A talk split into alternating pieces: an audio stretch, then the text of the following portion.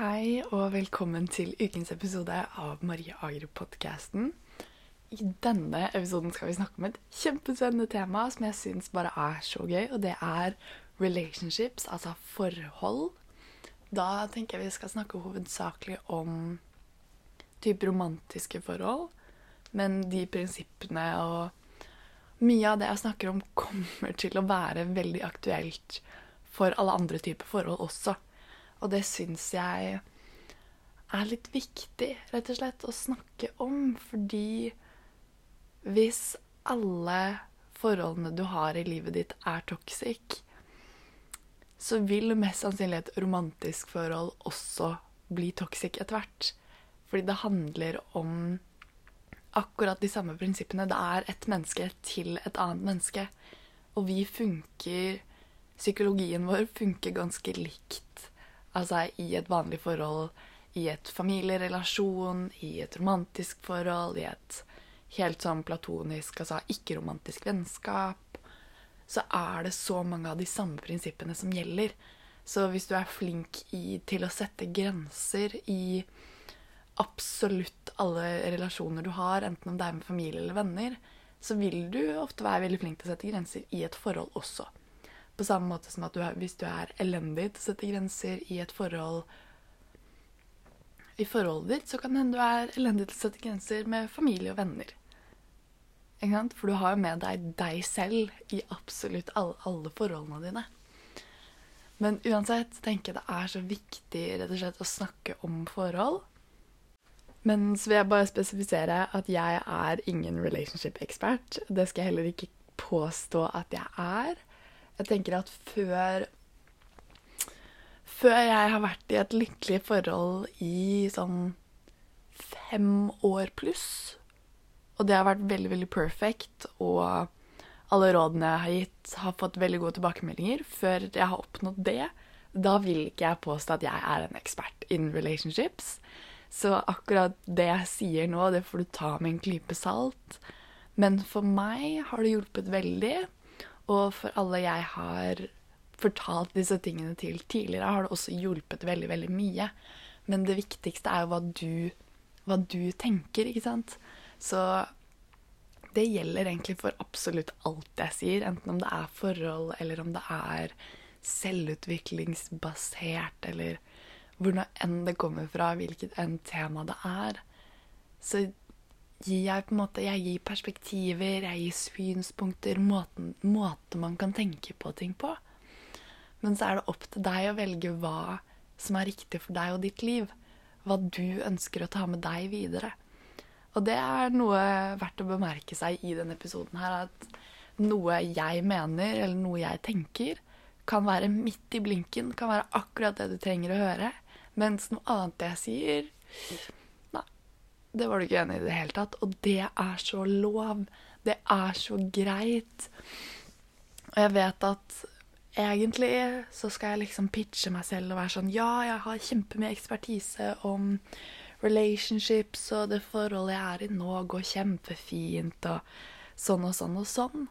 Men jeg tenker det er viktigere for meg å rett og slett bare være helt ærlig og si at ja, jeg står for det jeg sier, men om det stemmer eller ikke, det får du avgjøre i ditt liv. Jeg syns det er så viktig å på en måte begynne å sette standarden der og si at jeg vil heller være ærlig enn å være perfekt. Det er, det er det hele meg skal handle om. Jeg vil heller være ekte og autentisk enn å påstå at jeg er noe annet enn det jeg er. Så hvis du har kommet hit fra TikTok eller fra en annen podkast-episode, så regner jeg med at du kjenner meg godt nok til at du har lyst til å høre meningene mine, rett og slett. At du har lyst til å høre det jeg har lært, og at kanskje det kan hjelpe deg. Så da er spørsmålet er du klar?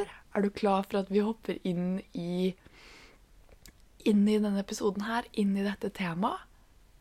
OK? Jeg syns i hvert fall det er kjempegøy og kjempespennende. Fordi når vi er i et forhold med en annen person, så er det litt som om det er et spotlight på oss. Det er litt som om alle de usikkerhetene våre, de toxic traitsene våre, alt sånn som ikke kommer fram med andre mennesker, de klarer man ikke hjemme fra partneren sin.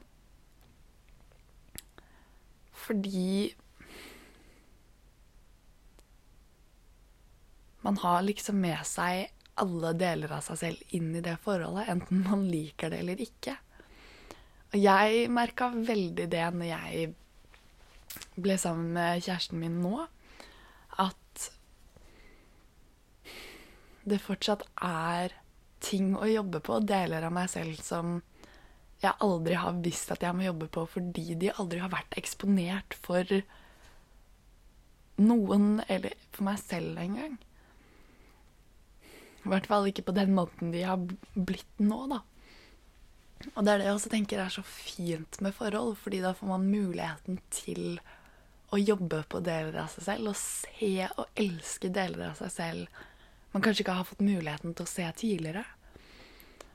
Men det kan jo også være skikkelig, skikkelig skummelt, fordi hvis man ikke aner hvordan man skal håndtere usikkerheter, hvordan man skal håndtere toxic situasjoner osv., så, videre, så blir det så skummelt fordi du kan være en situasjon, så har man en mening, kanskje man har en grense, og så må man sette den, men man aner ikke hvordan man skal gjøre det. Så blir det litt sånn panikk, da, og så skjer det kanskje på en skikkelig usunn måte. Kanskje man til og med sårer partneren sin, kanskje man sårer seg selv. Og så har man et problem, da. For det var jo ikke helt sånn det skulle gå. Og det er derfor jeg også sa det i starten. At hvis, alle, hvis du ikke klarer å formulere deg med andre forhold du har, altså platoniske, ikke-romantiske forhold, type vennskap, familierelasjoner, enten om det er kollegarelasjoner, en lærer, whatever Hvis du ikke klarer å stå opp for meningene dine der, hva tilsier at du kommer til å klare det i et forhold? Så mange av oss hopper inn i forhold uten at vi er klare for det i det hele tatt. Altså, vi hopper inn i forhold fordi kanskje man er litt ung og naiv. Kanskje man tenker at man må være i et forhold for å være et godt menneske. At kanskje man er redd for å være alene. Kanskje man er avhengig av den oppmerksomheten fra det kjønnet man er interessert i. Kanskje man har en idé om at du bare er verdt noe. Hvis du får den bekreftelsen fra en gutt eller en jente eller en Hva er mellombetegnelsen der for de som ikke identifiserer seg som gutt eller jente? Intet kjønn. Litt usikker. Men i hvert fall fra det kjønnet man er interessert i, da. For det er det Det er det første. Det er det første tingen jeg vil at du skal bemerke deg. Som er liksom nummer én starting ground at du må ha et godt relationship med deg selv. Og du må ha et godt relationship, eller i hvert fall ha forhold du er fornøyd med, med vennene dine, med familien din, først. Liksom begynn der. For det er der du lærer det grunnleggende. Det er sånn som meg og mamma, eksempel. Mor-datter-relasjon. Der har jeg lært så mye. Fordi mamma er også litt sånn selvutvikling, spiritualitet, snakke om mønstre, hvorfor vi funker som vi gjør, osv. Og, og fra å på en måte jobbe på vår, vår relasjon har jeg lært så vanvittig mye om på en måte hvem jeg er, hva som er viktig for meg, hvordan man kommuniserer, hvordan man snakker om usikkerheter, hvordan man ordner opp i ting. Sånne type ting. Så med mamma gikk det fra at jeg var lett sur, jeg var usikker, jeg holdt opp veldig mange vegger. Rett og slett fordi mamma er jo bipolar, så hun pleier å, bli syk ca. én gang i året. Som da innebærer at hun blir manisk. Altså når man er manisk, kan man enten gå opp, altså at du blir eh, veldig sånn Du går inn i en boble da, hvor alt er perfekt at du har skikkelig mye energi, at du kan være våken hele døgnet, at du kan gå ut og gjøre hva som helst. Eller at du går nedover. At du blir veldig, veldig dypt deprimert. Eh, og da når mamma går inn i den bobla, så blir hun også ofte litt aggressiv. Går ofte inn i en på en måte egen virkelighet hvor hun må beskytte Norge fra terrorangrep eller sånn type ting. da, Og drar ut i byen, henger med litt shady mennesker og sånn. Eh, og så pleier hun å være syk i én til to måneder før sykehuset har avgjort at OK, nå er hun syk nok før de vil legge henne inn. Som jo er litt sånn litt teit. Fordi da går jo mamma rundt og gjør ting hun angrer på, utsetter oss for ting som ikke er bra for oss eller henne. Men hun kan jo ikke stoppe seg selv fra det. Hun vet ikke at hun er syk. Og da har sykehuset avgjort at nei, må være en fare for seg selv eller for andre for at vi skal ta henne inn. Selv om man har historikk fra 15 år som sier at ja, når disse symptomene er her, så vil det ende der til slutt. Så i år var faktisk første gang som ble, hun ble lagt inn etter tre dager. Det er ny rekord. Det er første gang sykehuset har vært flinke. Før det så har det tatt én til to måneder, som jo er veldig, veldig, veldig, veldig, veldig sykt. Men poenget mitt da er at som barn så får man jo den frykten. Fordi når du vet at en person på en måte skal bli tatt fra deg etter hvert, så får man en forsvarsmekanisme om at man ikke ønsker å knytte seg for mye til den personen når hun er frisk. Fordi da gjør det liksom ikke like vondt når man mister den personen igjen, da. Så da, for et par år siden, så var jeg veldig sånn closed up, litt sånn sur, prøvde å holde meg litt unna osv. Fra nå, da, å ha jobba gjennom alle de usikkerhetene, alle de mønstrene og fryktene som har satt seg der helt fra barndommen til å føle meg så trygg, føle meg sett, føle meg elsket. Og også at mamma føler på en måte det samme tilbake. At hun slipper å bekymre seg for at når hun har vært syk, så vil ikke barna mine snakke med meg lenger. Men å gå fra å på en måte kunne komme hjem fra sykehuset At alle bare er glad for å se hverandre igjen. Og det Hvis jeg skulle gått inn i et forhold for fem år siden alle de usikkerhetene som satt igjen fra barndommen, alt det, alle dårlige coping mechanisms, alt sånn Hvis jeg da skulle gått inn i et forhold der Det hadde vært doomed fra starten. Det hadde vært 100% doomed fra starten. Versus å gå inn i et forhold nå Eller jeg er jo et forhold nå, da, men skjønner greia. Så går det fint, for da har jeg jobba gjennom veldig mye av det som hadde ødelagt et potensielt forhold. Og det tenker jeg er viktig. Jeg tenker det er så viktig fordi psykologi Si hva du vil, men det bygger på usikkerhetene dine. Mønstrene dine bygger på usikkerhetene dine. Så hvis du har en fear of abandonment som sitter fra barndommen, om du har fear of rejection, hva enn det er, om du er redd for at folk skal forlate deg, at folk skal avvise deg, at du ikke skal få nok kjærlighet, at man er redd for at alle skal angripe deg fordi du har blitt behandla som et offer, eller at familien din har på en måte satt seg selv i en offerrolle, så du har vært den som har måttet ta vare på alt sammen, hva enn det er du har opplevd i barndommen.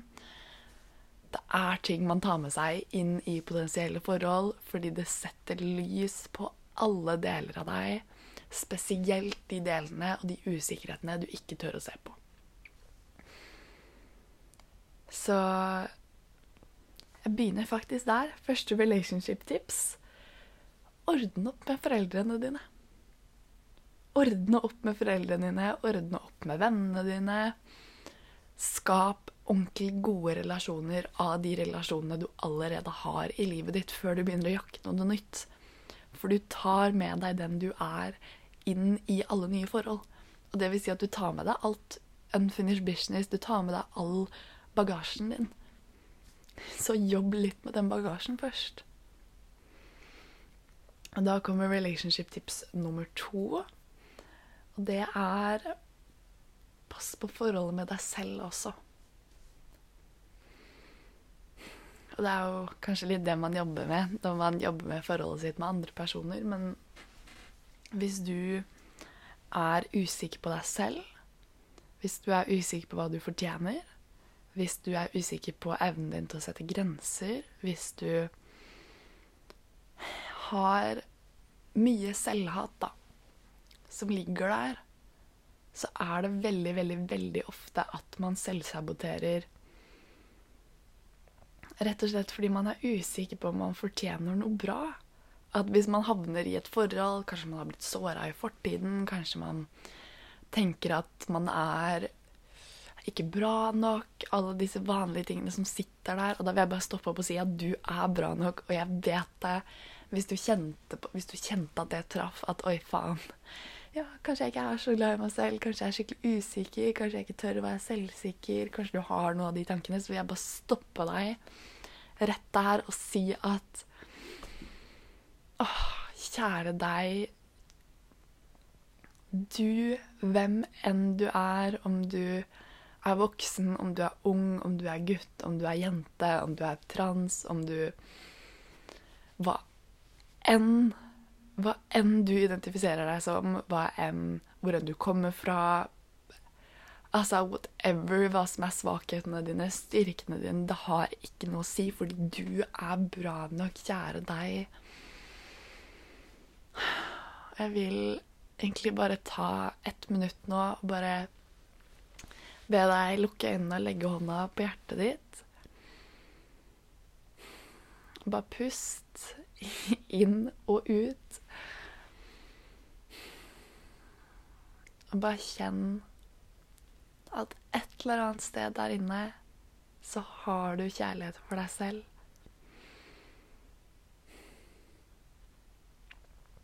Kjenn det. Kjenn på det at et eller annet sted der inne så er du glad i den du er. Du elsker den du er, og du Bare kjenn at du er bra nok. Kjenn at du vet Du vet at du er bra nok. For du er det.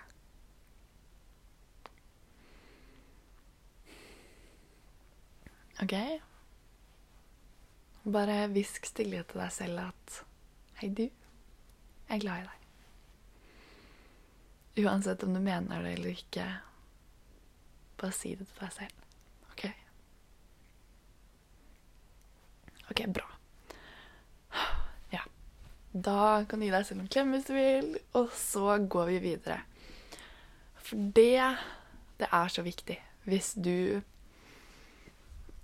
ikke elsker deg selv, så har du indirekte i tankesettet ditt veldig ofte et belief som sier at eh, Nei, jeg fortjener ikke kjærlighet.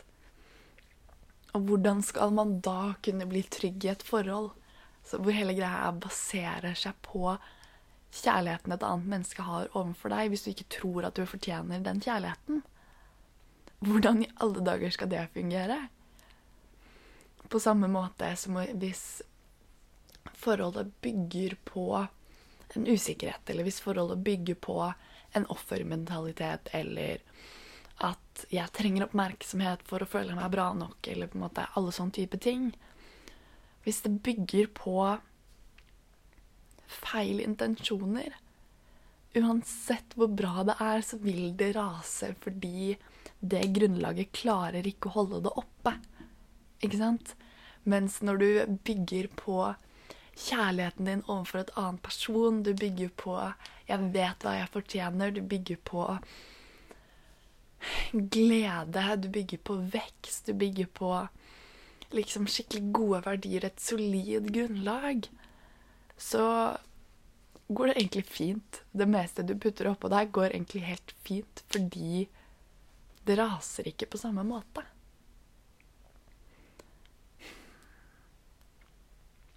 Og jeg tror det kanskje er litt derfor mitt, det forholdet jeg er i nå, har gått så fint. Fordi grunnlaget mitt har vært så sterkt når jeg har gått inn i det. Jeg har jobba med så mye av bullshiten min, jeg har jobba med så mye av bagasjen min. Egenkjærligheten, forholdene mine med, eller relasjonene mine med andre mennesker. har jeg liksom funnet ut veldig mye av før jeg gikk inn i et forhold. Sånn at da når jeg gikk inn i det forholdet, så hadde jeg kapasiteten til å jobbe gjennom hva enn som dukket opp, på en god måte.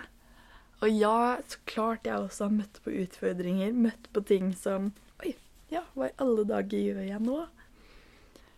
Men det har også blitt på en måte Jeg har lært så mye, da. Fordi jeg har hatt kapasiteten til å lære underveis. Og også Nå kommer relationship tips nummer tre. Og det er å gi slipp.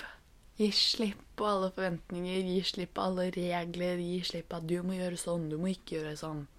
For at jeg skal føle meg elsket, så må du uttrykke kjærlighet på akkurat denne måten, osv. Og jeg sier det, for jeg gjorde det selv. I starten av forholdet, forholdet mitt så hadde jeg liksom en idé. En idé om hvordan et perfect relationship skal se ut.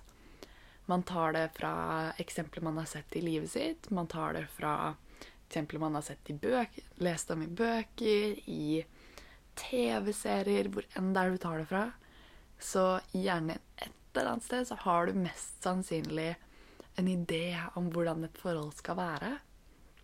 Hva som er bra og ikke, hva som er riktig og ikke, hva som er feil, hva som er toxic, hva som er healthy osv. Og, og det hadde jeg også. Så fordi jeg har drevet mye med selvutvikling, så var det litt sånn Ikke i starten, for i starten så er jo honeymoon-facen der. Du klarer ikke å se feil med den andre personen. Alt er bare helt magisk. Og så går den litt vekk. Og så begynner alt av usikkerheter, ting man ikke visste at var der, alt som greier da å dukke opp. Og med den på en måte coping-mekanismen, da, eller med den måten jeg har lært å håndtere ting på, at liksom alt må løses, alt må fikses, selvutvikling Joho, jeg kan litt grann psykologi tankesettet, så ble det fort litt sånn i Skal vi se, hvor mange måneder inn var det? Litt sånn fire Måned nummer fire til seks inn i forholdet. Så ble det litt av det. Litt sånn På en måte finne problemer for å prøve å løse de. Fordi jeg hele tiden sammenlignet opp mot sånn jeg ønsket at det forholdet skulle være. Ga det mening? At jeg sammenlignet opp mot Ja, men dette er ikke sånn man burde gjøre det. Man burde gjøre det sånn som dette. Ja, vi må snakke om ting på denne måten, for det er det mest healthy. Og det var ikke Jeg sa aldri det, altså, men for å oppsummere litt. At det var litt av det, da. Litt sånn at ting må være på den sunneste måten. At vi må løse opp i ting, vi må snakke om ting før vi går videre. Og ja, mye av det er bra verdier, mye av det er et godt grunnlag, men Når det ligger på en måte i å sammenligne opp mot det ideale, da, istedenfor å ville det beste for den personen man er med, så blir det fort feil. Og da hadde jeg et vendepunkt når det hadde gått rundt seks måneder, syv måneder, hvor jeg merka at OK, nå, nå, er det mye smerte her. Av en eller annen grunn så har jeg mye smerte akkurat nå i dette forholdet. Og jeg merker at det er mange ting Nå skal jeg forklare et prinsipp for jeg går videre her, for at dette gir mer mening. Og det her Jeg har i hvert fall tre prinsipper jeg skal gjennom i løpet av denne podkast-episoden her, som kommer til å endre synet ditt på forhold bare helt sinnssykt mye. Og det har jeg tatt med meg i forholdene mine med Altså relasjonene mine i familie, relasjonen med vennskap, og da også inn i dette forholdet. For det er så verdifullt. Og det var Den første leste jeg i en bok som heter The Seven Habits of Highly Effective People av Jeg tror den er skrevet av Stephen Covey, eller noe sånt. Den heter i hvert fall The Seven Habits of Highly Effective People. Og der nevner de dette. Sier at mellom deg og et annet menneske, enten om det er et relasjon eller et forhold, så har det noe som heter en tillitsbank. En trust account, på en måte. Og hver gang man gjør hyggelige ting for hverandre, hver gang man viser hverandre kjærlighet, tillit, respekt, så legger man inn på en måte forholdspenger da, i den kontoen. I den tillitskontoen som dere deler. Og det vil si at tilliten øker. Så da hvis noen gjør en feil, så trekker man ut penger fra den kontoen. Eller man trekker ut tillit eller kjærlighet eller whatever. Jeg sier penger. Så trekker man ut penger fra verdi. Er det et bedre ord? Så trekker man ut verdi. Ja, da trekker man ut litt verdi fra den kontoen. Og hvis man har mye verdi i den kontoen, hvis man har mye tillit som man har bygd opp gjennom handlinger, gjennom ord, gjennom fysisk kontakt, gjennom tid sammen osv., så, videre, så har det ikke sånn å si hvis noen gjør en liten feil, fordi man har så mye å ta av. At folk kan fucke opp, folk kan gjøre ting uten at man blir usikre, fordi man har så mye tillit som er bygd opp mellom dere. På samme måte som at hvis du har 100 000 på bankkontoen, og du tar ut 300 kroner svei ikke så mye, altså. Eller hvis du har en million, og du tar ut 200 000. Ja, OK, det, Man merker at det har forsvunnet litt, men det er fortsatt så mye å gå på at man klarer å bygge seg opp igjen. Mens derimot hvis man ikke har bygd et solid grunnlag, hvis man glemmer de små tingene, hvis man ikke viser hverandre kjærlighet, eller hvis man ikke setter pris på den kjærligheten som er der For det kan hende den andre personen alltid prøver å putte inn valuta i forholdet deres, men du sier at nei, det er ikke den typen verdi jeg vil ha. Og så rejecter man det. Sånn at det kan hende den andre personen gjør forsøk på å sette inn penger på kontoen, men at man har en idé om at det er bare euro som skal inn på kontoen, og ikke dollar. Og det kommer tilbake til kjærlighetsspråkene, som jeg skal snakke om litt etterpå. Men det er fordi man har jo forskjellige krav. Det kan hende jeg reagerer kjempegodt på words of affirmation, altså komplimenter, at folk sier 'jeg er glad i deg', 'jeg elsker deg', og 'du er så søt i dag', eller sånn type ting. Og det er på en måte min dollar. Dollar, yes, det er det jeg vil ha på kontoen. Da da settes det inn enkelt, da føler jeg meg sett, føler jeg meg elsket. Mens den andre personen kanskje har gaver som sitt kjærlighetsspråk. Enten om det er et kort eller en blomst, eller at man tar med en sjokoladebit, eller at man steller i stand litt sånn opplevelser. At man gjør på en måte sånne småting. da, At man husker å Det var um, en jeg går i psykologiklasse med, som brukte det som eksempel. At kjæresten hennes pleide å legge en Red Bull i veska etter de hadde overnattet, sånn at når hun kom på skolen, så så hun at hun alltid hadde med seg en Red Bull. Og det var kjempesøtt. Og det er litt sånn typisk gaver som kjærlighetsspråk. Så det er den personen sin euro, ikke sant? Og da hvis jeg prøver å gi mine dollar til den andre personen, så blir det feil valuta. Og da blir liksom ikke det lagt til i bankkontoen fordi de ser ikke samme verdien av ord som det jeg ser på ord. Mens hvis jeg får en gave, så ser jeg kanskje ikke samme verdien av den gaven som jeg hadde sett av et ord. Så det er sånn som er verdt å merke seg. Men tilbake til den kontoen. Jeg håper ikke det blir for komplisert. Det er bare å spole litt tilbake, høre på det på nytt, og så gir det mer mening etter hvert ut i episoden. Og igjen, du tar med deg det du vil ta med deg. Så ja, tilbake til den bankkontoen. Hvis man har mye penger, og man gjør en feil, altså trekker ut av kontoen, så svir det ikke så mye. Men Men hvis man går på rødt, altså når det er en negativ balanse på kontoen. Hvis man har null kroner på kortet, og noen prøver å trekke ut ti kroner, så svir det, altså. Det svir. Det kan være at noen glemmer å ta ut søpla. Det kan være at eh, partneren din lot det ligge en sokk på gulvet. Det kan være at han eller hun glemte Han eller hun eller hen glemte å si 'Jeg er glad i deg' før de forlot døra. Det kan være sånne småting som svir noe så jækla mye som man tenker over, som treffer fordi det ikke er nok kjærlighet på konto. Fordi man har glemt alle de småtingene, fordi man stoppet å hele tiden putte penger inn på kontoen. Fordi i starten av forholdet, i honeymoon-fasen, så Nummer én, man klarer ikke gjøre feil. Unnskyld, men man klarer ikke gjøre feil overfor hverandre. Man bare ser det ikke, så det er nesten umulig å ta penger ut av konto. Og så blir det adda kjærlighet hele tiden.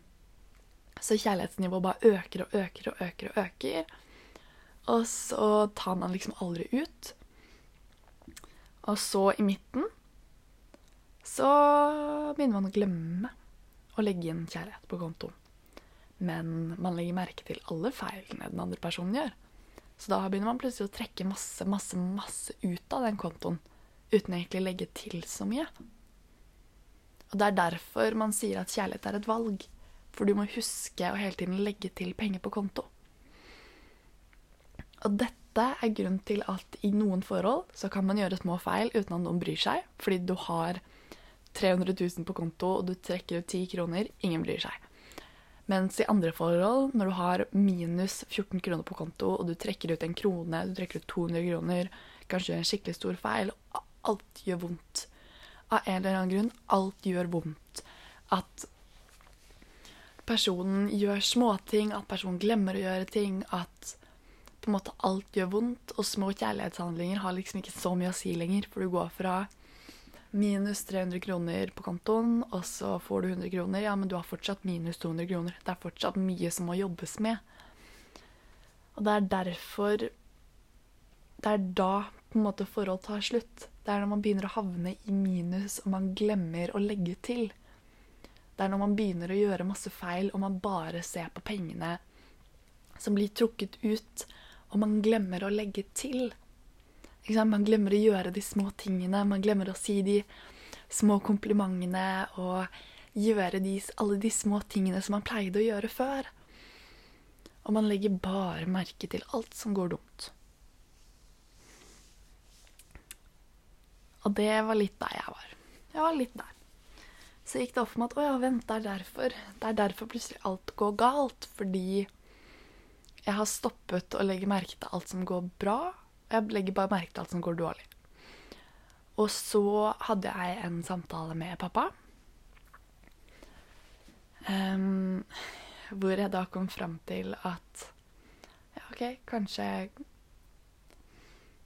Kanskje det er på tide å forlate forholdet, da. Jeg husker at med en gang jeg på en måte tok det valget, så følte jeg meg litt lettere. Jeg følte meg litt, litt friere. Jeg gjorde aldri det forholdet slutt, men det gikk opp for meg at i det øyeblikket så gjorde jeg forholdet slutt med ideen om hva jeg tenkte at det skulle være. Jeg gjorde det slutt med den obligationen til at, jeg, at, man følte at man måtte være i forholdet. Det ble et valg istedenfor en oppgave. Og da, når jeg på en måte tok det valget, dagen etterpå så våkna jeg og merka at nei, vent. Jeg har lyst til å være i dette forholdet. Jeg har lyst til dette. Jeg er glad i denne personen. Jeg elsker denne personen så utrolig mye. Og etter det så begynte jeg å legge merke til all kjærligheten som faktisk ble lagt inn i den kontoen. All kjærligheten som faktisk var der. Eneste greia var at jeg hadde ikke sett den kjærligheten, fordi jeg hadde vært så fokusert på at det måtte komme på visse måter. Men med en gang du begynner å gjenkjenne kjærlighet i de små tingene, i at han sier at han er glad i deg, når det du kanskje er den første personen partneren din har sagt det til. Kanskje partneren din finner det supervanskelig å gi komplimenter, men en gang iblant så klarer han å gi et kompliment. Eller hun. Eller hen. Eller at Kanskje partneren din har blitt physically abused i barndommen, men med deg så hender det du får en klem. At han eller hun eller hen kjøper gaver til deg når de har vært på ferie. At man sier ha det til hverandre. At når partneren din skal hente et glass vann til deg selv, så henter det et glass vann til deg også. At når man ser inn i øynene til hverandre, så merker man at det er så mye kjærlighet der. Når man begynner å legge merke til alle de tingene og gir slipp på alt det greiene om at ja, men et forhold må være sånn som dette, og det må være sånn som dette, og de må vise kjærlighet på denne måten, og hvis de gjør sånn og sånn, så elsker de meg ikke. Nei. Begynn å legge merke til all kjærligheten som faktisk er der. Og det gjelder ikke bare for partnere, for romantiske forhold. Det gjelder for vennskap også, det gjelder for familie. Fordi det er ikke alltid man har lært å vise kjærlighet på akkurat samme måte. At moren eller faren din spør deg 'Å, hvordan har du hatt det i dag?' og du blir irritert fordi 'Åh, kan ikke stoppe å bry seg'. Det er de som bryr seg, det er de som er så glad i deg. Du aner ikke.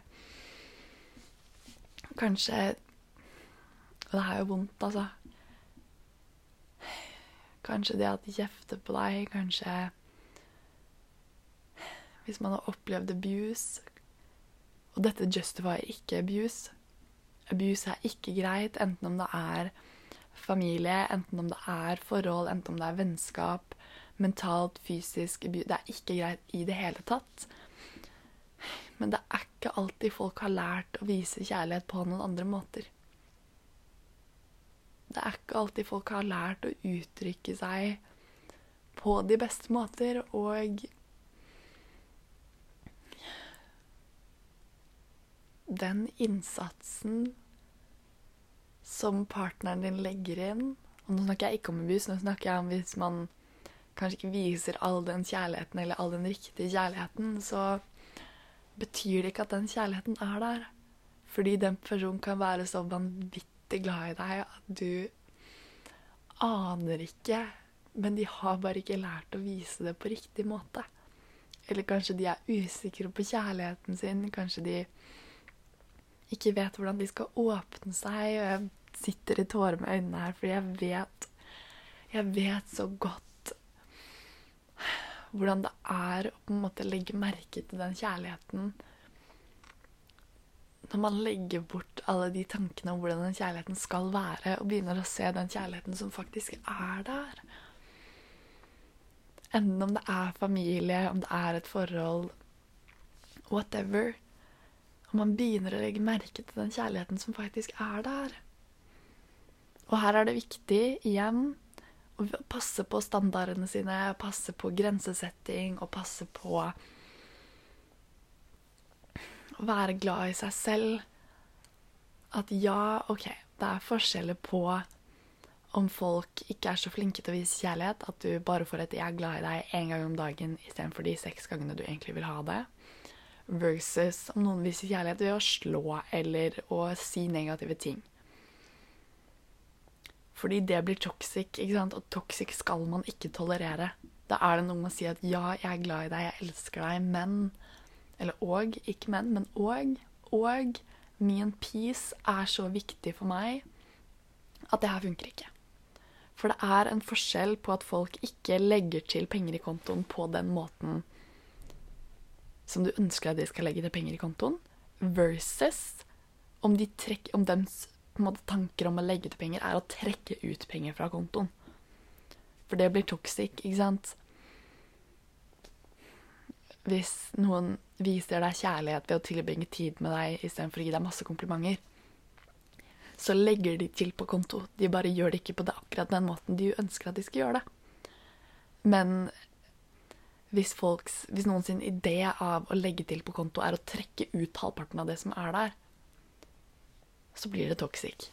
Og det skal man aldri tolerere. Man skal ikke senke standardene sine. Man skal ikke senke det man fortjener for andre mennesker. Man skal ikke det. Så det er forskjell. Det er veldig stor forskjell på, på de tingene. Og det er viktig, fordi jeg vil ikke at det her skal tolkes som å, men jeg vet at han er glad i meg, så da går det jo fint at han aldri snakker med meg, aldri ser meg, aldri gir meg komplimenter, at han er med andre jenter, at han er utro. Da går det helt fint, fordi han er jo glad i meg innerst inne. Girl eller guy eller whatever. Altså du. Du, kjære deg. Jeg vet, at du er glad i, jeg vet at du er glad i den personen du er glad i. Jeg vet at du er glad i kjærlighet, men hvis det er toxic, så fortjener du så mye bedre. Du lærer de rundt deg hvordan de skal behandle deg. Du lærer de hvordan, hva som er greit. Og hvis du hele tiden tar drit imot og sier at ja, OK, det er greit, så lærer du andre mennesker at okay, det er, det er greit å behandle den personen dritt fordi de overlever. Ikke lær folk det. Tør å si at nei, vet du hva, jeg elsker deg, men akkurat det her er ikke greit. Eller jeg elsker deg og. Jeg er veldig for det at man skal ikke si 'jeg elsker deg, men', men man skal si 'jeg elsker deg og'. Fordi jeg elsker deg og whatever. Separere på en måte de to tingene. At kjærligheten er ikke avhengig av den feilen. At den feilen betyr ikke at du ikke elsker personen lenger. Fordi jeg elsker deg, men. Ikke sant? Jeg elsker deg, men jeg elsker deg ikke like mye nå fordi sånn, sånn, sånn. Jeg elsker deg og sier at jeg er glad i deg. Jeg er så glad i deg. Og likevel så har jeg standarder. Likevel så er det ting som betyr så mye for meg at jeg ikke kan fortsette det her. Og det er pga. min egen peace. Det er pga. min verdi. Det er pga. sånn jeg ønsker å behandle meg selv.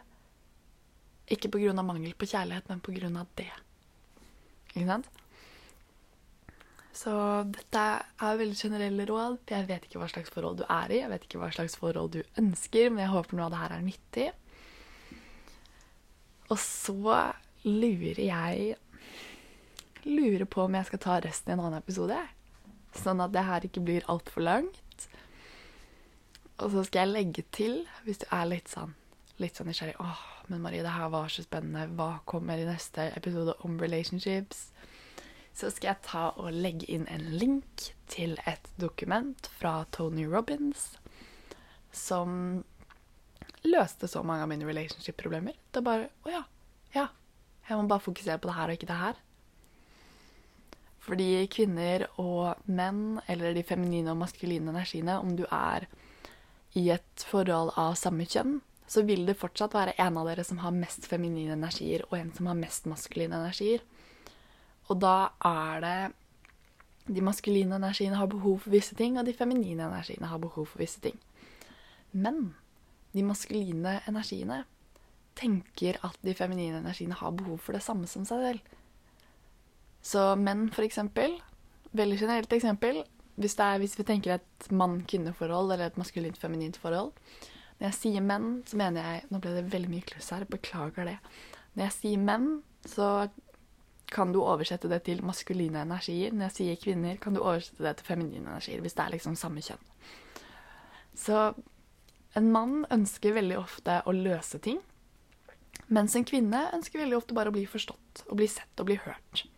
Så når en kvinne snakker om hvordan de føler det og hvordan de har det, så er ofte en manns reaksjon er at Nei, men du trenger ikke føle det sånn, og det stemmer ikke. Bare putt det vekk og ignorer det, eller løs det. De prøver å komme med løsninger, for de vil løse ting. Kvinner derimot ønsker bare å bli forstått. De ønsker bare at mannen skal si 'Å ja, ja, så du føler at jeg gjør sånn og sånn', eller du føler at når jeg gjør dette, så trenger ikke løse noen ting. De trenger bare å høre at du skjønner hvordan de føler det. Og det er det dokumentet tar for seg på en måte hva er det de feminine energiene egentlig har behov for, og hva er det de maskuline energiene egentlig har behov for. Og når du finner ut hva de tingene er, så trenger du bare fokusere på det, så går alle problemene bort. Veldig ofte. I tillegg til at du har det bra med deg selv og sånn, men hvis vi snakker om hvordan du behandler den andre personen. Så ja. Jeg legger ut det dokumentet. Absolutt sjekk det ut, les det, studer det, implementer det i forholdet ditt, enten om det er et romantisk forhold eller et familieforhold funker på samme måte. Fortsatt maskuline og feminine energier. Ta det med deg. Så skal jeg gå litt mer i dybden på det i neste episode om forhold. Og i neste episode om forhold skal jeg også snakke litt om kjærlighetsspråkene. For de har vi fem av, og hvis du klarer å møte på en måte alle de, hvis du klarer å lære deg å tale alle de, og gjenkjenne alle de, så vil alle rundt deg føle seg så elsket av deg. Enten om det er venner, familie, om det er en partner Hvis man klarer å tale kjærlighetsspråket deres. Så nummer én Hvis du finner ut hva som er kjærlighetsspråket til noen, så trenger du ikke fokusere på de fire andre. Da trenger du bare møte det ene som faktisk betyr veldig mye for dem. Og så kommer de til å føle seg så elsket. Og nummer to at hvis du da prøver skikkelig hardt å vise et kjærlighetsspråk som den andre personen ikke forstår, at hvis du prøver skikkelig hardt å gi masse komplimenter til noen som egentlig bare trenger en tjeneste, at du hjelper dem med oppvasken eller sånn, så føler du at du prøver så hardt, men den andre personen føler seg ikke elsket i det hele tatt, for du viser det på feil måte. Så det, det blir spennende. Det er kjempegøy å lære de kjærlighetsspråkene. Det er også Det er så key. Så det er de tre tingene, da. Det vi har snakket om nå, den kjærlighetsbankkontoen. Jobbe på det er prinsippene kjærlighetsbankkonto, kjærlighetsspråk og maskuline og feminine energier. Så jeg har tatt med meg den første nå, i tillegg til de rådene mine Fokuser på deg selv. Fokuser på de forholdene du allerede har. Og gi slipp på alle forventninger. Se den personen der de er, møt de der de er, og tør å se den kjærligheten som er der. Og så har jeg også lyst til å legge på at det er en så stor forskjell på standarder og forventninger. Forventninger er du må være sånn og sånn, og sånn, men standarder er at dette fortjener jeg ikke på en måte, eller 'dette fortjener jeg'. Det er grensesetting, rett og slett, på en helt annen måte. Så ikke aksepter toxic ting, men ikke gjør sunne ting til noe toxic. Da håper jeg du fikk noe ut av denne episoden her. Jeg syns dette er så gøy å snakke om. Og så er jeg jo ingen relationship-ekspert. Du får bare ta det, ta med deg det, teste ut det som funker. Test ut det som funker. Prøv deg fram. Og ta med deg det du merker at traff hjertet ditt. At, at du merka at ja, det der var akkurat det jeg trengte å høre. Ta med deg det. Jobb med det. Og så er jeg super, super, superduper glad i deg, og jeg håper at alle relationshipsene, alle relasjonene du har i livet ditt, er helt nydelige og blir bare bedre og bedre etter hvert som tiden går, for du fortjener alt godt. Du fortjener alt godt.